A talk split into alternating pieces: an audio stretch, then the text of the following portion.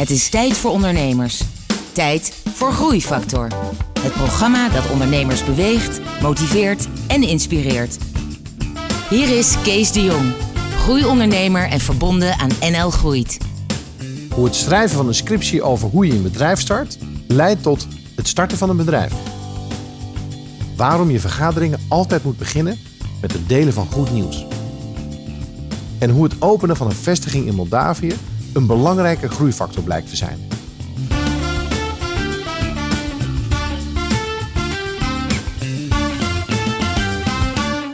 Hallo en welkom bij Groeifactor.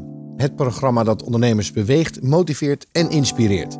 Met een openhartig gesprek hier bij mij op de bank met een inspirerende ondernemer. En vandaag is dat Ivo Elshoff. Ivo, welkom. Hoi. Um, Ivo, jij hebt een bedrijf dat heet E-Players. Klopt. Maar dat is eigenlijk niet echt een bedrijf, want dat is een, een holdingbedrijf Ja. met allemaal bedrijven die daaronder hangen. Inderdaad. Kan je er iets over vertellen? Wat is het bekendste bedrijf eh, dat mensen zouden kunnen? Best for You Group is denk ik de, de bekendste nu op dit moment die, Mhm. wij, eh, die wij hebben. En, eh, maar goed, beperkt zich inderdaad dus niet alleen tot de, tot de Best for You Group, maar daarbij ook nog een aantal, aantal andere ondernemingen. Zoals? Eh For Sweets is een nieuwe start-up van ons. Traffic Today is bijvoorbeeld een, een bedrijf van ons. Eh, en Best for You Group is eigenlijk een, een, een, ook weer een soort van, ja, laten we het een, eh, een overkoepelende naam noemen van een aantal mediabedrijven. Te noemen Best for You CMS, Best for You Media en eh, Best for You Internet Marketing. Maar het grootste zit dus rondom software, internet, online marketing. Ja. Hey, en als je alles een beetje bij elkaar optelt, hoeveel mannen en vrouwen heb je dan rondlopen binnen jouw bedrijf? Denk dat wij nu op dit moment eh, ja, rond de 80 mensen hebben, hebben lopen. En eh, waarvan een groot gedeelte zich in Nederland bevindt. Een klein team op dit moment eh, nu in, in België. En we hebben een vrij grote ontwikkelclub in Moldavië zitten. Ja, en dat vind ik fascinerend. Heel leuk om te horen ehm, hoe je daar bent terechtgekomen en hoe dat werkt. Maar we gaan eerst even induiken in jouw, ehm, in, in het ontstaan van jouw bedrijf. Hoe is het allemaal begonnen? Eh, ik ben letterlijk op mijn zeventiende begonnen met, eh, met ondernemen. Althans officieel ook ingeschreven bij de, bij de Kamer van Koophandel. Ik was daarvoor altijd ook wel een, eh, Ja. een ondernemend type. En, en hoe, hoe oud ben je nu? Ik ben nu 30. Dus op je zeventiende. En wat was het eerste idee, het eerste bedrijf? Het eerste bedrijf was echt puur gericht op, op webdesign. Dat heet, volgens mij was het destijds Best for You Multimedia Solutions of iets. Een onmogelijke naam ook om nog uit te spreken aan, aan de telefoon.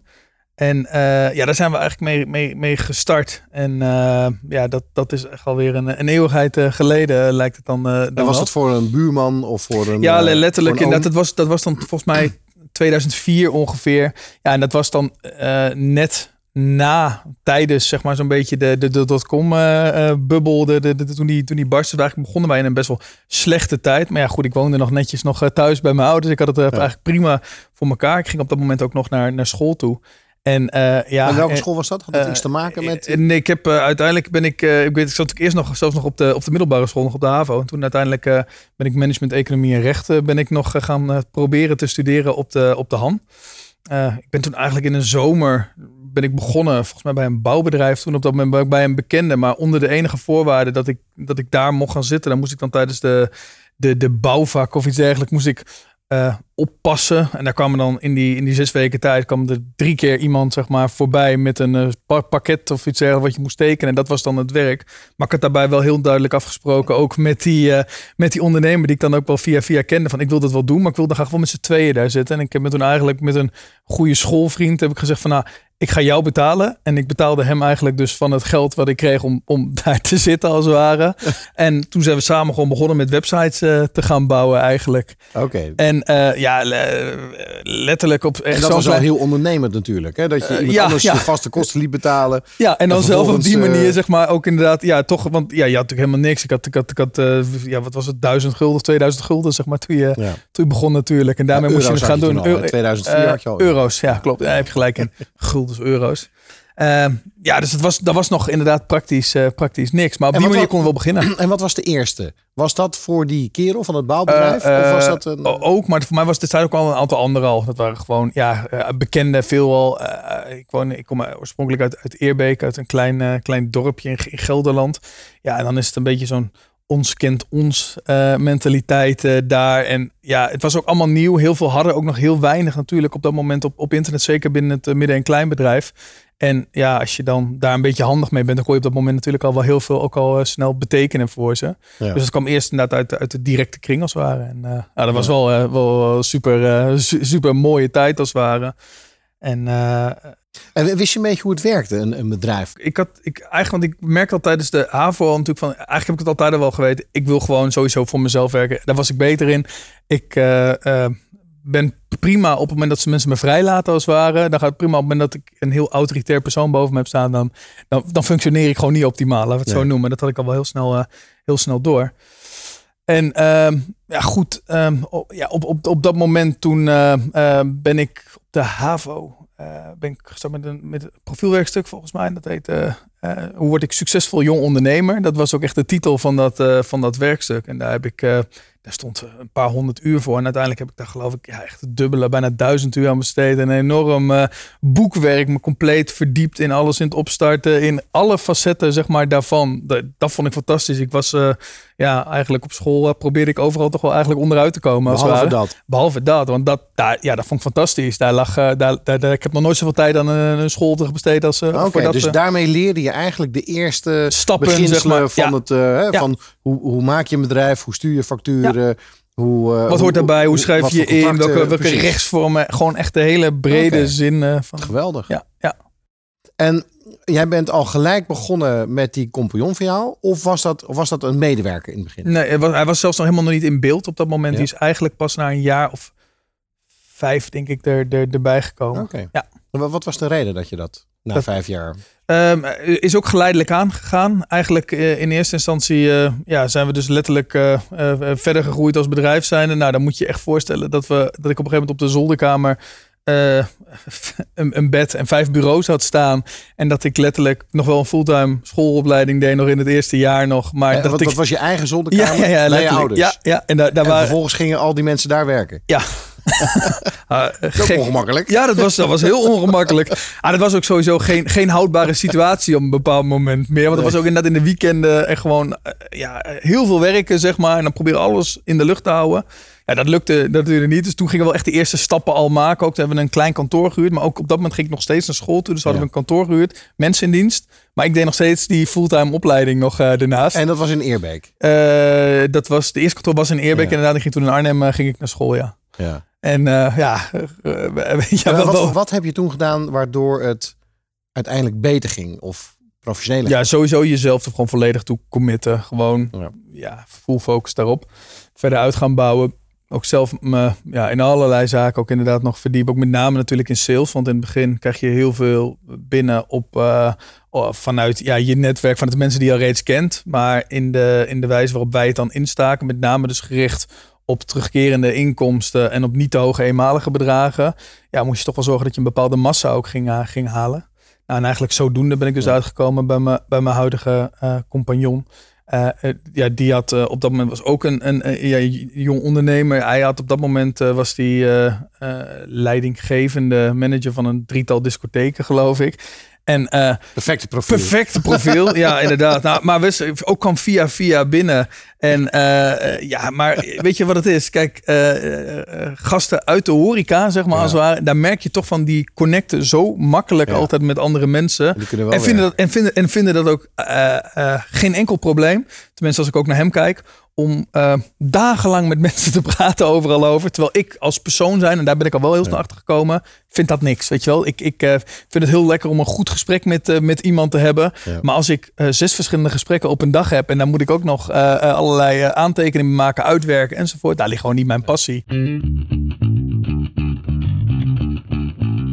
Ivo, wij spraken over um, je wat rommelige beginfase, waarna je met die partner die je hebt aangetrokken, uh, wat sneller ben gaan groeien. Wat, wat veranderde er in die periode? Ja, veel meer structuur kwam er ook al op dat moment al, uh, al in, het, uh, in het bedrijf. En je gaat überhaupt al, kom je er naar de jaren toe, ook steeds verder achter dat je heel duidelijke grenzen ook moet stellen met betrekking tot, tot vrienden en dergelijke waar je mee, mee, mee werkt. Wat was het een probleem? Dat, dat vrienden voor jou werkten en dat je daarmee die, die grenzen inderdaad vervaagde een beetje? Ja, voor mij persoonlijk niet echt, maar je zit ook in een andere rol als het ware. En ja, ik was ook iemand die bij wijze van spreken s'avonds in de kroeg kon zeggen van we doen nog, uh, we doen nog een meter bier. En uh, de volgende dag uh, boos was dat mensen te laat op kantoor waren. Maar ja, ik was daar zelf heel makkelijk in. Ik, ik kon dat redelijk makkelijk scheiden. Maar daar, daar hebben we ook wel een aantal aanvaringen destijds over gehad. Over dat soort ja. zaken van mensen die dat dan niet kunnen scheiden. Want jij, en, jij moest jouw vrienden op, op, op de donder geven wanneer ze hun werk niet af hadden. Of wanneer ze fout Ja, bij wijze van. Ja, dus dan, dan, dan wat je de dag erop... het waren ze te laat. En ja, en dan verwacht je ook wel een stuk professionaliteit, zeg maar, de dag daarna. En uh, goed, je was allemaal nog super jong op, uh, op dat moment. En uh, ja. Zo, zo, zo, zo, werkt dat dan op, op zo'n moment. Maar je, je ziet gewoon naarmate je dan verder komt, dat je met meer mensen komt te werken. Ook dat veel meer structuur in komt. Je gaat veel minder van een, een, een vriendenclub als waar, maar echt wel gewoon naar een, een professionelere organisatie toe met bepaalde regels. Maar die compagnon, die bracht die structuur. Die zag, joh, dit moeten we anders Nee, die kwam gewoon op die, die, die, die, die kwam eigenlijk ook gewoon op het juiste moment binnen. En die heeft met name op sales echt een stuk uh, structuur gecreëerd. Waarbij bij ons uh, ja, echt nog letterlijk toen uh, in het begin zo was dat we bij wijze van met, met Excels werkten nog om, uh, om klantenlijsten bij te houden. Hebben we daar toch ook wel echt een, uh, ja, een CRM'tje er, uh, erop gezet. En gewoon ook in de, met name in die sales en die aanvoer van nieuwe opdrachten. Mm -hmm. Dat daar ook meer regelmaat in kwam. En dat daar minder een golfbeweging in kwam te zitten. En zodoende konden wij ons dan, of ja, ik dan denk ik ook meer me, mezelf focussen, zeg maar, ook op die backend. En, want het is best wel moeilijk om continu te switchen van sales en dan weer terug weer ook weer je interne ja. organisatie in de proces. Wat, wat vond je het om te doen? Uh, ja, gewoon dat bouwen. Dat, is, dat vind ik het allermooiste wat er is. Gewoon het met, bouwen met, van je organisatie. Ja, het bouwen van die organisatie. Echt het, het, het, het, het groot maken, nieuwe dingen neerzetten en het dan verder uh, uitbouwen. En ik, ja, ik vind het echt, uh, echt fantastisch om mezelf op een, op een bepaald moment ook daadwerkelijk misbaar te maken. Dus dat ik dermate iets heb neergezet dat, dat ik daarna zelf ook niet meer nodig ben. Dat ja. is eigenlijk een rode draad geweest door, door, door de afgelopen 14 jaar. Ja. ja.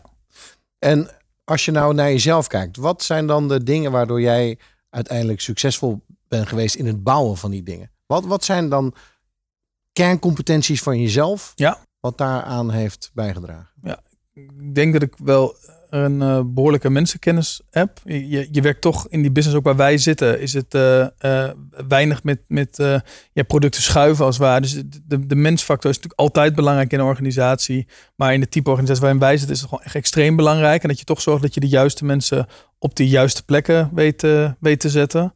En ik denk dat dat dat wel dat, dat ik dat als ondernemer zijn wel, wel, wel goed kan. Um, ja, en, en gewoon inderdaad dat, dat doorzetten. Dat gewoon niet, niet op willen geven. Uh, uh, ik, ik ben ook als mens zijnde uh, redelijk...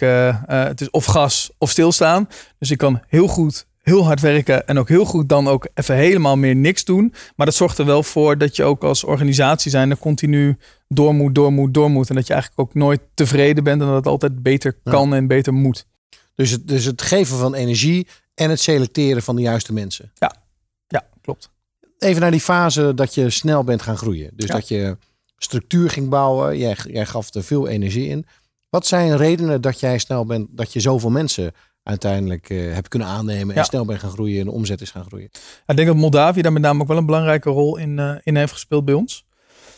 Um, ja, wa waarom, wa waarom uh, kon je zo snel groeien? Kijk, in eerste instantie hadden we natuurlijk hetzelfde probleem als dat iedereen, en nu op dit moment volgens mij nog steeds heeft, namelijk dat developers, met name die, uh, die back-end developers, die waren gewoon heel moeilijk te behouden. En dus wij zijn toen al gaan kijken, van moeten we dan niet inderdaad in China, in India, in, in de, de usual suspects gaan kijken. En via internet wel een aantal pilots ook daarmee gedaan. Uh, want ja, wij, wij, richten ons met name vanuit best veel op het midden- en kleinbedrijf. En daar merkte je toch dat je een maximum uurtarief kon rekenen. Ja, en dat die gasten op het moment dat ze ergens anders gingen, uh, gingen solliciteren, daar konden ze ook voor een veel hoger commercieel uurtarief weg. En dan ja. is dat, dat, grensje zo klein. Ja, dan gingen ze gewoon lopen als ze van, van, van junior naar medior, naar medior naar senior toe gingen. Groeifactor is een initiatief van MKB Brandstof. Ga naar groeifactor.nl voor nog meer openhartige verhalen van inspirerende ondernemers. Groeifactor inspireert ondernemers. Uh, Ivo, dat je naar het buitenland moest om je loonkosten laag te houden, ja. dat is duidelijk. Ja. Waarom Moldavië? He, geen China, geen India, geen Roemenië. Hoe ben je daar terecht gekomen? Ja, eigenlijk op dat moment ook via een partner. We, we, hebben een, uh, we, we, hadden op dat moment een, uh, een leverancier van ons. Daar raakte mee in gesprek over dit probleem. En die gaf eigenlijk aan: ja, ik heb een, uh, ik heb een mijn, mijn baas heeft een jeugdvriend. Daar hebben wij eigenlijk heel veel van onze business al van een aantal opdrachtjes die wij af en toe doen. Uh, die leggen we daar neer. En uh, misschien dat dat wat, wat, wat voor jullie is. Nou, ik ben toen letterlijk uh, gewoon met, met die, die, die, die man, die was op dat moment ook in, in, in Nederland aanwezig voor een bruiloft of iets dergelijks. Die, daar heb ik toen mee op, ter, op terras gezeten uh, in Nijmegen. We hebben gewoon heerlijk daar ontspannen met een uh, cappuccinootje op terras gezeten. En we hebben, hij heeft een, paar uur zitten vertellen ook over de business diaat, hoe hij daar was terechtgekomen. Gewoon een, een, ja, gewoon een Nederlander die op een gegeven moment een, een, een Russische vriendin is tegengekomen. En met een aantal om, omzwervingen in, in, in Moldavië is terechtgekomen. En die zei, ik heb daar een bedrijf, dat heeft helemaal niks te maken met IT. Wij, wij hebben wel onderdelen vanzelfsprekend als ieder bedrijf in IT zitten, maar wij doen daar niks in. Eigenlijk uh, hebben wij helemaal niks jullie te bieden als het ware daar. Alleen, ja, ik vind het wel een leuk verhaal. Ik vind, ik het ook wel hoe goed klinkt ook hoe jullie, waar jullie tot nu toe zijn gekomen. Kom anders gewoon een keer langs. jij betaalt je, je eigen vliegticket, je hotel en dergelijke. En dan zorg ik gewoon, dat vind ik ook wel leuk, een leuk programma in elkaar. En dan ga je gewoon naar, naar Moldavië toe. En uh, voor een week. En uh, dan praat je. Wij hebben ook een aantal IT-clubs ook in, in ons verzamelgebouw zitten. Dan regel ik wel een aantal gesprekken met ze. En ja, zo geschieden. Dus toen zijn wij letterlijk een, een, een, maand, twee maanden later, zijn we op dat vliegtuig gestapt, Sander en ik. Sander, dikke truien in zijn koffer allemaal. En vraag hoe krijg je al je spullen eigenlijk allemaal mee? Ik zeg maar, waarom heb je dikke, dikke truien bij je? En toen vertelde hij van, ja, ja maar het is al Moldavië, het ligt al bij Rusland. Ik zeg, ja, maar heb je überhaupt gekeken hoe warm het is? Het is, was daar 40 graden op dat moment. Trui je er weer uit. En wij naar Moldavië toegevlogen. En uh, ja, we, uh, geweldige ervaring. Um, uh, heel andere cultuur. hij, die, die, die, die man die we daar kennen was ook al vrij goed well connected, zeg maar. -huh. Mhm. En we zaten ook direct met de staatssecretaris van IT om tafel. Nou, daar, daar, daar, daar, kwamen we ook aan, zeg maar, als ja, toch in Nederland nog steeds echt wel een kleine club nog. Ja. En, uh, maar ja, helemaal mooi. Buitenlandse investeerders. Dat was, uh, was geweldig. En uh, nou ja, calculatie gemaakt letterlijk op de achterkant van een bierveeltje bij wijze van spreken. En gewoon kijken van oké, wat kost het hier? Wat zou het ons daar kosten? En op dat moment was die verhouding ongeveer voor, voor een media programmeur in Nederland ten opzichte van daar was factor 3. Dus we konden inclusief kantoorhuur, zeg maar. En als je dat dan vergeleek, konden we er daar drie aan nemen voor de prijs waar, waar we er in Nederland één hadden dat is inmiddels al uh, helaas al lang niet meer zo natuurlijk. Maar uh, ja, op dat moment was dat gewoon ja, een, volgens mij een, een, een verstandige gok als ware. Daar was niet heel veel op te verliezen. En we hebben ook voor ons gezegd, we gaan dit maximaal zes maanden proberen. In Nederland kun je ook een slechte programmeur treffen. Die en, toch en niet ben je gaan samenwerken met een partner? Of heb je daar zelf een bedrijf nou, we, hebben, we hebben in eerste instantie daar dus met een partner samengewerkt ja. in de eerste paar jaar. En uh, ja, zo, en daarna hebben we het eigenlijk uiteindelijk omgezet echt naar een eigen SRL, een eigen entiteit. Ook daar, omdat het ook veel te groot werd. En, want, want hoeveel mensen heb je daar nu zitten? 40. Ah, ja. Dat is wel serieus. Ja. ja. Maar hoe is de. Ze zeggen wel eens dat de communicatie dan heel lastig is. Hè? Dat die mensen gewoon hard werken en alles. Maar dat, je, hè, dat, dat het niet dan helemaal uh, soepel gaat. voor wat betreft wat de mensen dan doen. Dus ja. ze werken hard, maar wat ze opleveren is dan weer net niet wat de bedoeling was. Ja. Is in het begin ook zeker wel uh, vaak gebeurd. Ik bedoel, dat, uh, dat, dat dat hou je toch. En dat, dat, je kunt dat al, al hebben van, van twee Nederlandse personen, bij wijze van spreken, die eentje in de IT zit en de ander die een vormgever is. Die hebben al onduidelijkheden, bij wijze van spreken. En als je dan nog een andere taal, andere cultuur, andere opvattingen hebt, dan is dat soms nog veel, uh, veel extremer. Ja. Uh, en ook ja, de Engelse taal. Um, een aantal spraken het wel heel goed. Een aantal de, deden ook alsof ze het wel goed spraken, maar uh, hadden toch wel moeite nog met bepaalde zaken. En nou, een van de voorbeelden bijvoorbeeld wat we nu doen is, we hebben letterlijk gewoon een, een, een fulltime lerares uh, daar rondlopen die niks anders doet dan nu Engelse les geven ook aan die, uh, aan die programmeurs daar. Om te zorgen dat we gewoon echt ook gezamenlijk op een hoger niveau komen. en het is nu op dit moment bijna elke maand komt er ofwel een team van, van mensen vandaar op stage als het ware naar ons in Nederland uh, of in België toe. Of omgekeerd, dat we ook, uh, ook daar naartoe gaan. En zo hou je toch, ja, merk je nu dat de directeur, dat was trouwens de eerste persoon die we daar ook, ook aan, aan hebben genomen. Die is, ja, ook, was ook schot in de roos. Daar moet je ook inderdaad geluk natuurlijk ook mee, mee hebben. Maar een jongen die ook gewoon universitaire titel had, maar voor de rest relatief weinig ervaring. En die heb je natuurlijk ook wel helemaal kunnen uh, vormen en kunnen bijna kunnen indoctrineren met de cultuur die wij hebben. En daar zitten nog wel een aantal zaken, ook met nieuwe mensen die binnenkomen, met cultuurverschillen. En dat botst af en toe soms. Um, maar in het begin zijn we daar als bedrijf zijn er best wel in meegegaan. En hebben we gezegd van wij moeten ons daar ook aanpassen aan de cultuur die daar is. lekker bier drinken bij de lunch. Uh, ook. Maar um, heel gekke gewoonte, wat ik nog steeds daar vind, is op het moment dat ze binnenkomen op kantoor, bijvoorbeeld uh, de mannen, dus de eerste keer geeft iedereen elkaar gewoon een hand. Maar uh, daarna is het elke dag zo, dan komen ze binnen, dan geeft iedereen elkaar een hand, behalve de vrouwen, die geven ze dan geen hand. Uh, en waarom dat dan is, ja, ik heb dat nooit begrepen, ze kunnen het ook niet echt uitleggen, maar dat is daar gewoon gewoonte als ware. En ja, in het begin dan hoor je ook van die Nederlander daar van ja, daar moet je gewoon in meegaan. Dat is gewoon onderdeel ook van hun, hun, hun cultuur als het ware. Maar we hebben eigenlijk naar, naar, naar, naar verloop van tijd gezegd van nee, eh, daar voelen wij ons ook gewoon eigenlijk helemaal niet senang daarbij. Dat is niet wat wij willen. Dat willen wij ook niet. En we hebben ook wel discussies en dergelijke gehad met, met, met mannelijke programmeurs die dan een probleem hebben met om onder een vrouw te werken als het ware.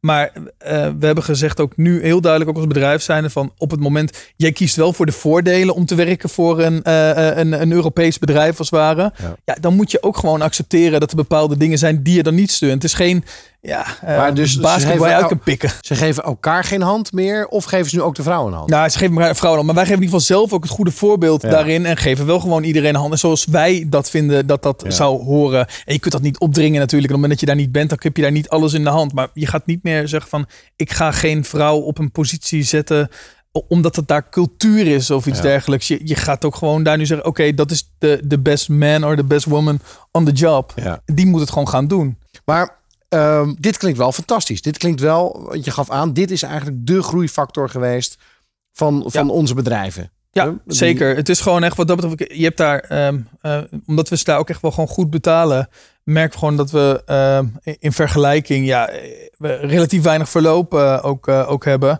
Dus daar ook echt gewoon teams kunnen bouwen. Ja. En ook daar neem, heb je dezelfde ja, stappen zeg maar, die je in Nederland hebt met professionalisering, met structuur bouwen.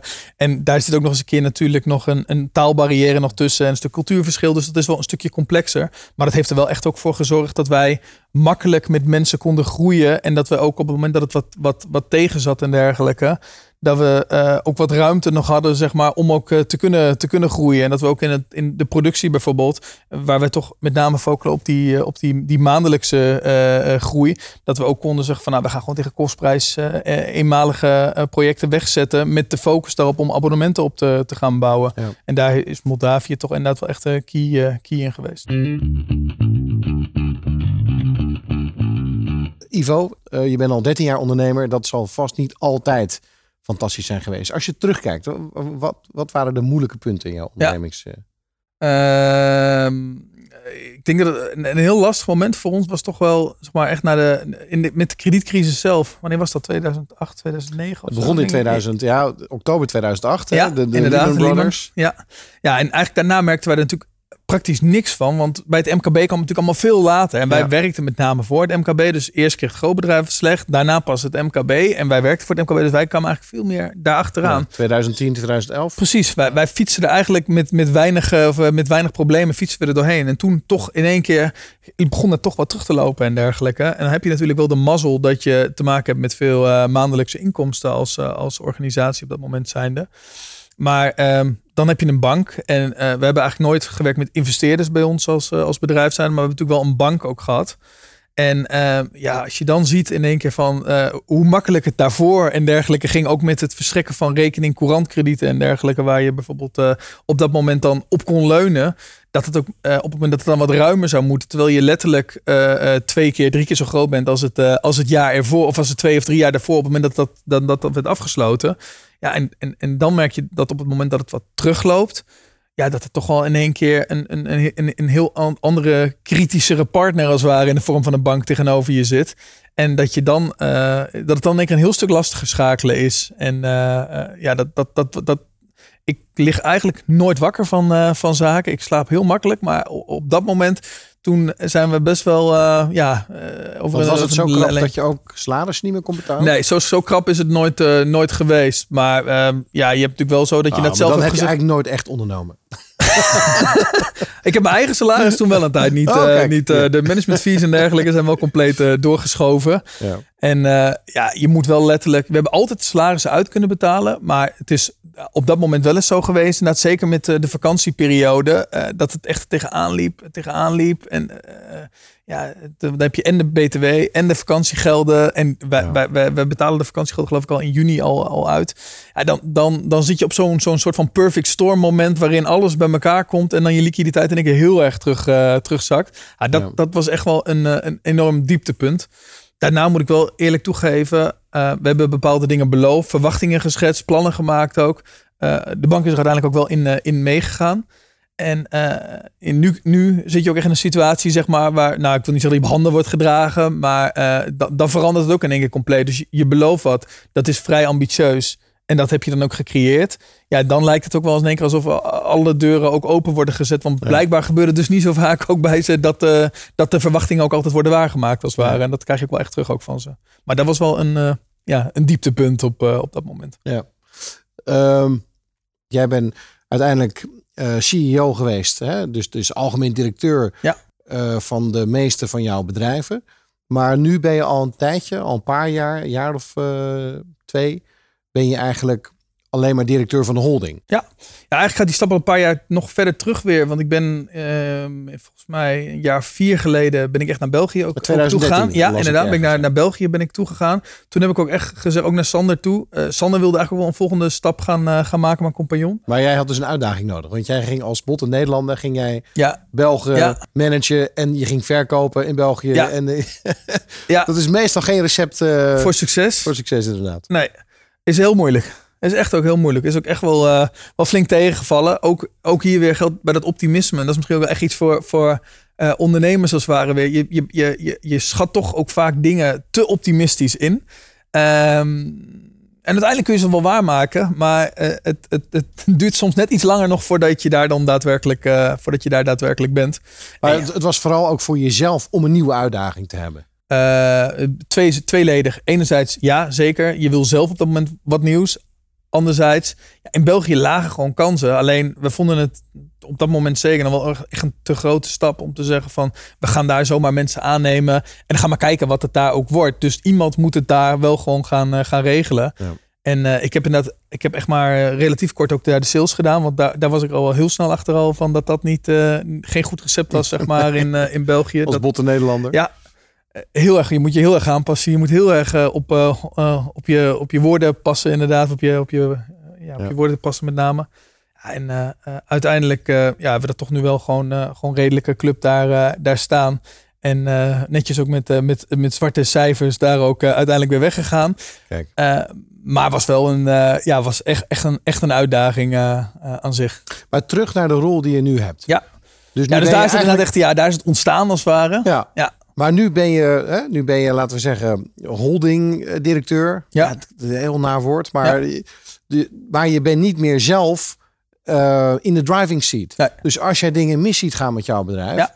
je kan niet hè, gewoon zelf zeggen, nou weet je wat, laat mij het maar even doen. Want daar heb je dus die mensen voor. Ja. Dat is totaal anders. Ja, wij zien het zelf ook niet echt als, als, als holding. Het is echt nu uh, een, uh, een, uh, een investeringsmaatschappij meets incubator, zeg maar, en ja. accelerator. En dat doen we nu eerst intern vanzelfsprekend. Dus we hebben echt gekeken welke mensen zijn er nou echt super geschikt voor. Enerzijds intern, anderzijds extern. Die hebben we ook op die, op die posities gezet. Dat zijn echt ondernemers. Dus dat, dat de, de, een aantal hebben ook echt wel aandelen al van die, van die bedrijven. Een aantal die zitten in die fase van dat ze daar toch naartoe gaan, gaan lopen. En wij maken daar gewoon heel duidelijk afspraken over. En, wat, wat vind jij het moeilijkst van je nieuwe rol? Uh, ja, toch, toch nog wel steeds op je handen zitten. Dat, dat, dat blijft toch als, als ondernemer zijnde lastig. Echter, ik vind een van de grootste successen, zeg maar, ook van, uh, van, van afgelopen jaar, is gewoon ja, dat je toch het voor elkaar weet te krijgen. Dat, dat op het moment dat je mensen die verantwoordelijkheid geeft, je geeft ze duidelijk aan van waar voor jou ook die kaders als het liggen, wat je acceptabel, wat je niet acceptabel vindt, dat dingen duizend keer sneller gaan als dat, dat jij continu als, als hub daartussen fungeert als het ware. En uh, dat, die, uh, dat er echt een, versnelling optreedt als het ware ook in die groei van die bedrijven. Dan dat je eigenlijk misschien zelfs wel een beperkende factor bent geweest. Niet zozeer omdat je het niet goed doet, maar puur omdat alles zeg maar daar doorheen moet lopen als het ware. En op het moment dat je gewoon duidelijk zegt, ik wil dat wij, uh, of ik wil vanuit mijn rol dat wij 35% gaan groeien dit jaar.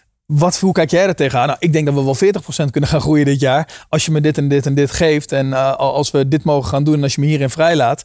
En mensen creëren dat dan ook daadwerkelijk. Ja, dat is, dat is zo gaaf. Dat, ja. is echt, echt, dat, vind ik, dat geeft echt een kick. Ivo, we lopen naar het eind van dit, uh, van dit gesprek. En we proberen toch altijd een aantal uh, tips en tricks en inzichten samen te vatten. Um, die je hebt voor andere ondernemers. Ja. Je noemde net al dat je in een soort groeiprogramma hebt gezeten. Dus ja. daarin heb je ook geleerd hoe je beter, harder, sneller moet groeien. Ja. Is dat iets wat je anderen adviseert? Ja, 100% waar. En dat, dat, dat beperkt zich natuurlijk niet alleen tot zo'n groeiprogramma, maar überhaupt continu ook met jezelf bezig uh, uh, blijven. En je kunt nog steeds zoveel leren. Ik ben natuurlijk ook ja, heel vroeg gestart, dus uh, dan moet je ook wel autodidactisch zijn, want je gaat nog met geen bagage, ga je op stap als het ware. Maar ik heb wel geleerd dat je gewoon continu moet blijven leren zelf als uh, ondernemer. En dat dat ook nooit ophoudt. Dus als je denkt van nu ben ik er, volgens mij is dat het moment waar je het randje over gaat. Dan, uh, dan gaat het mis of dan treedt een soort van uh, ja, godbeeld of zo bijna op over jezelf. Dus je moet continu blijven leren en je moet er altijd van uitgaan dat je te weinig weet en dat je moet verdiepen in nieuwe zaken, in nieuwe dingen en in nieuwe materie. Nou, dat, is, dat is één. Uh, twee en drie denk ik tegelijkertijd. Ja. Ik hoorde ook een beetje in wat je net zei, een beetje bescheiden blijven. Ja. Klopt dat? Ja, vind ik wel. Vind ik wel. Vind ik zelf past wel bij me, denk ik. Ik, uh, ik vind het nog steeds goed inderdaad van je, je moet wel je successen vieren. En dat is misschien ook wel iets wat wij te weinig soms ook hebben gedaan. Dat zijn we wel veel meer ook gaan doen afgelopen, afgelopen jaren. En met name als je in een snel groeiende onderneming zit, dan merk je dat je uh, vaak heel snel ook over successen heen stapt. Terwijl je ook op dat moment wel echt moet zeggen, ik ga die wel vieren. Maar dat hoeft niet met heel veel bombarie zeg maar, naar de buitenwereld toe. Dat kun je ook samen met je, met je team uh, doen. En uh, je moet wel, alleen je moet er wel bij stilstaan. Dat ja. je dat succes hebt behaald. Continu leren, bescheiden blijven, successen ja. vieren. Heb je misschien nog een... Überhaupt een mooi, een mooi ding vond ik ook nog heel erg. Wat ik, waar we echt ook nu mee beginnen is, is vaste structuur ook aanhouden binnen, jou, uh, binnen de vergaderingen die je doet. En eigenlijk altijd ook beginnen even met dat goed nieuws. En dat voelt heel ongemakkelijk, uh, vond ik zelf in het begin. Om dan een soort beetje gemaakt te gaan vertellen wat je goede nieuws van die week was. Alleen je merkt toch dat iedereen uh, gewend is om over toch met een vergadering in te gaan als iets niet goed gaat. Of een meeting in te gaan als iets niet goed gaat. Terwijl op het moment dat je toch begint even allemaal met de succesjes van die week te delen. En vaak weet je ze ook niet eens van collega's. Dat je met zo'n andere mindset ook gewoon zo'n vergadering ingaat. Dat dat ja, toch wel ervoor zorgt dat dat uh, ja, een heel andere meeting wordt dan dat je van tevoren had verwacht. Ja, ik, ik vind het een briljante laatste tip. Ik heb mezelf ook de laatste 15 jaar gebruikt in mijn vergaderingen. En inderdaad, het is, klopt helemaal wat je zegt. Je, je creëert een hele andere sfeer en ja. een hele andere mood. En de beslissingen, de discussies zijn beter. De beslissingen die worden genomen, die zijn beter. Het is een heel simpel dingetje met ja. een heel groot effect. Ja. Geweldig dat je dat uh, nog even benoemt uh, op het laatst. Um, Ivo, we zijn aan het einde van het, uh, van het gesprek. Het is snel gegaan. Ja, vond ik ook. ja. ik wil je enorm bedanken. Ja. Uh, volgens mij is dit zo'n typische lekkere uh, groeiondernemer. Je, je, bent nog maar 30. Hè? Je hebt 80 man, dus moet je eens kijken nog waar het naartoe uh, zou kunnen gaan de komende jaren. Ik wens je daar ontzettend veel succes mee. En nogmaals, uh, bedankt dat je hier bij mij op de bank zit. Ja, ook bedankt. Voor de luisteraars, dit was een uitzending van Groeifactor. Graag tot de volgende keer. Groeifactor is een initiatief van MKB Brandstof. Ga naar groeifactor.nl voor nog meer inspirerende verhalen van mede-ondernemers. Groeifactor beweegt ondernemers.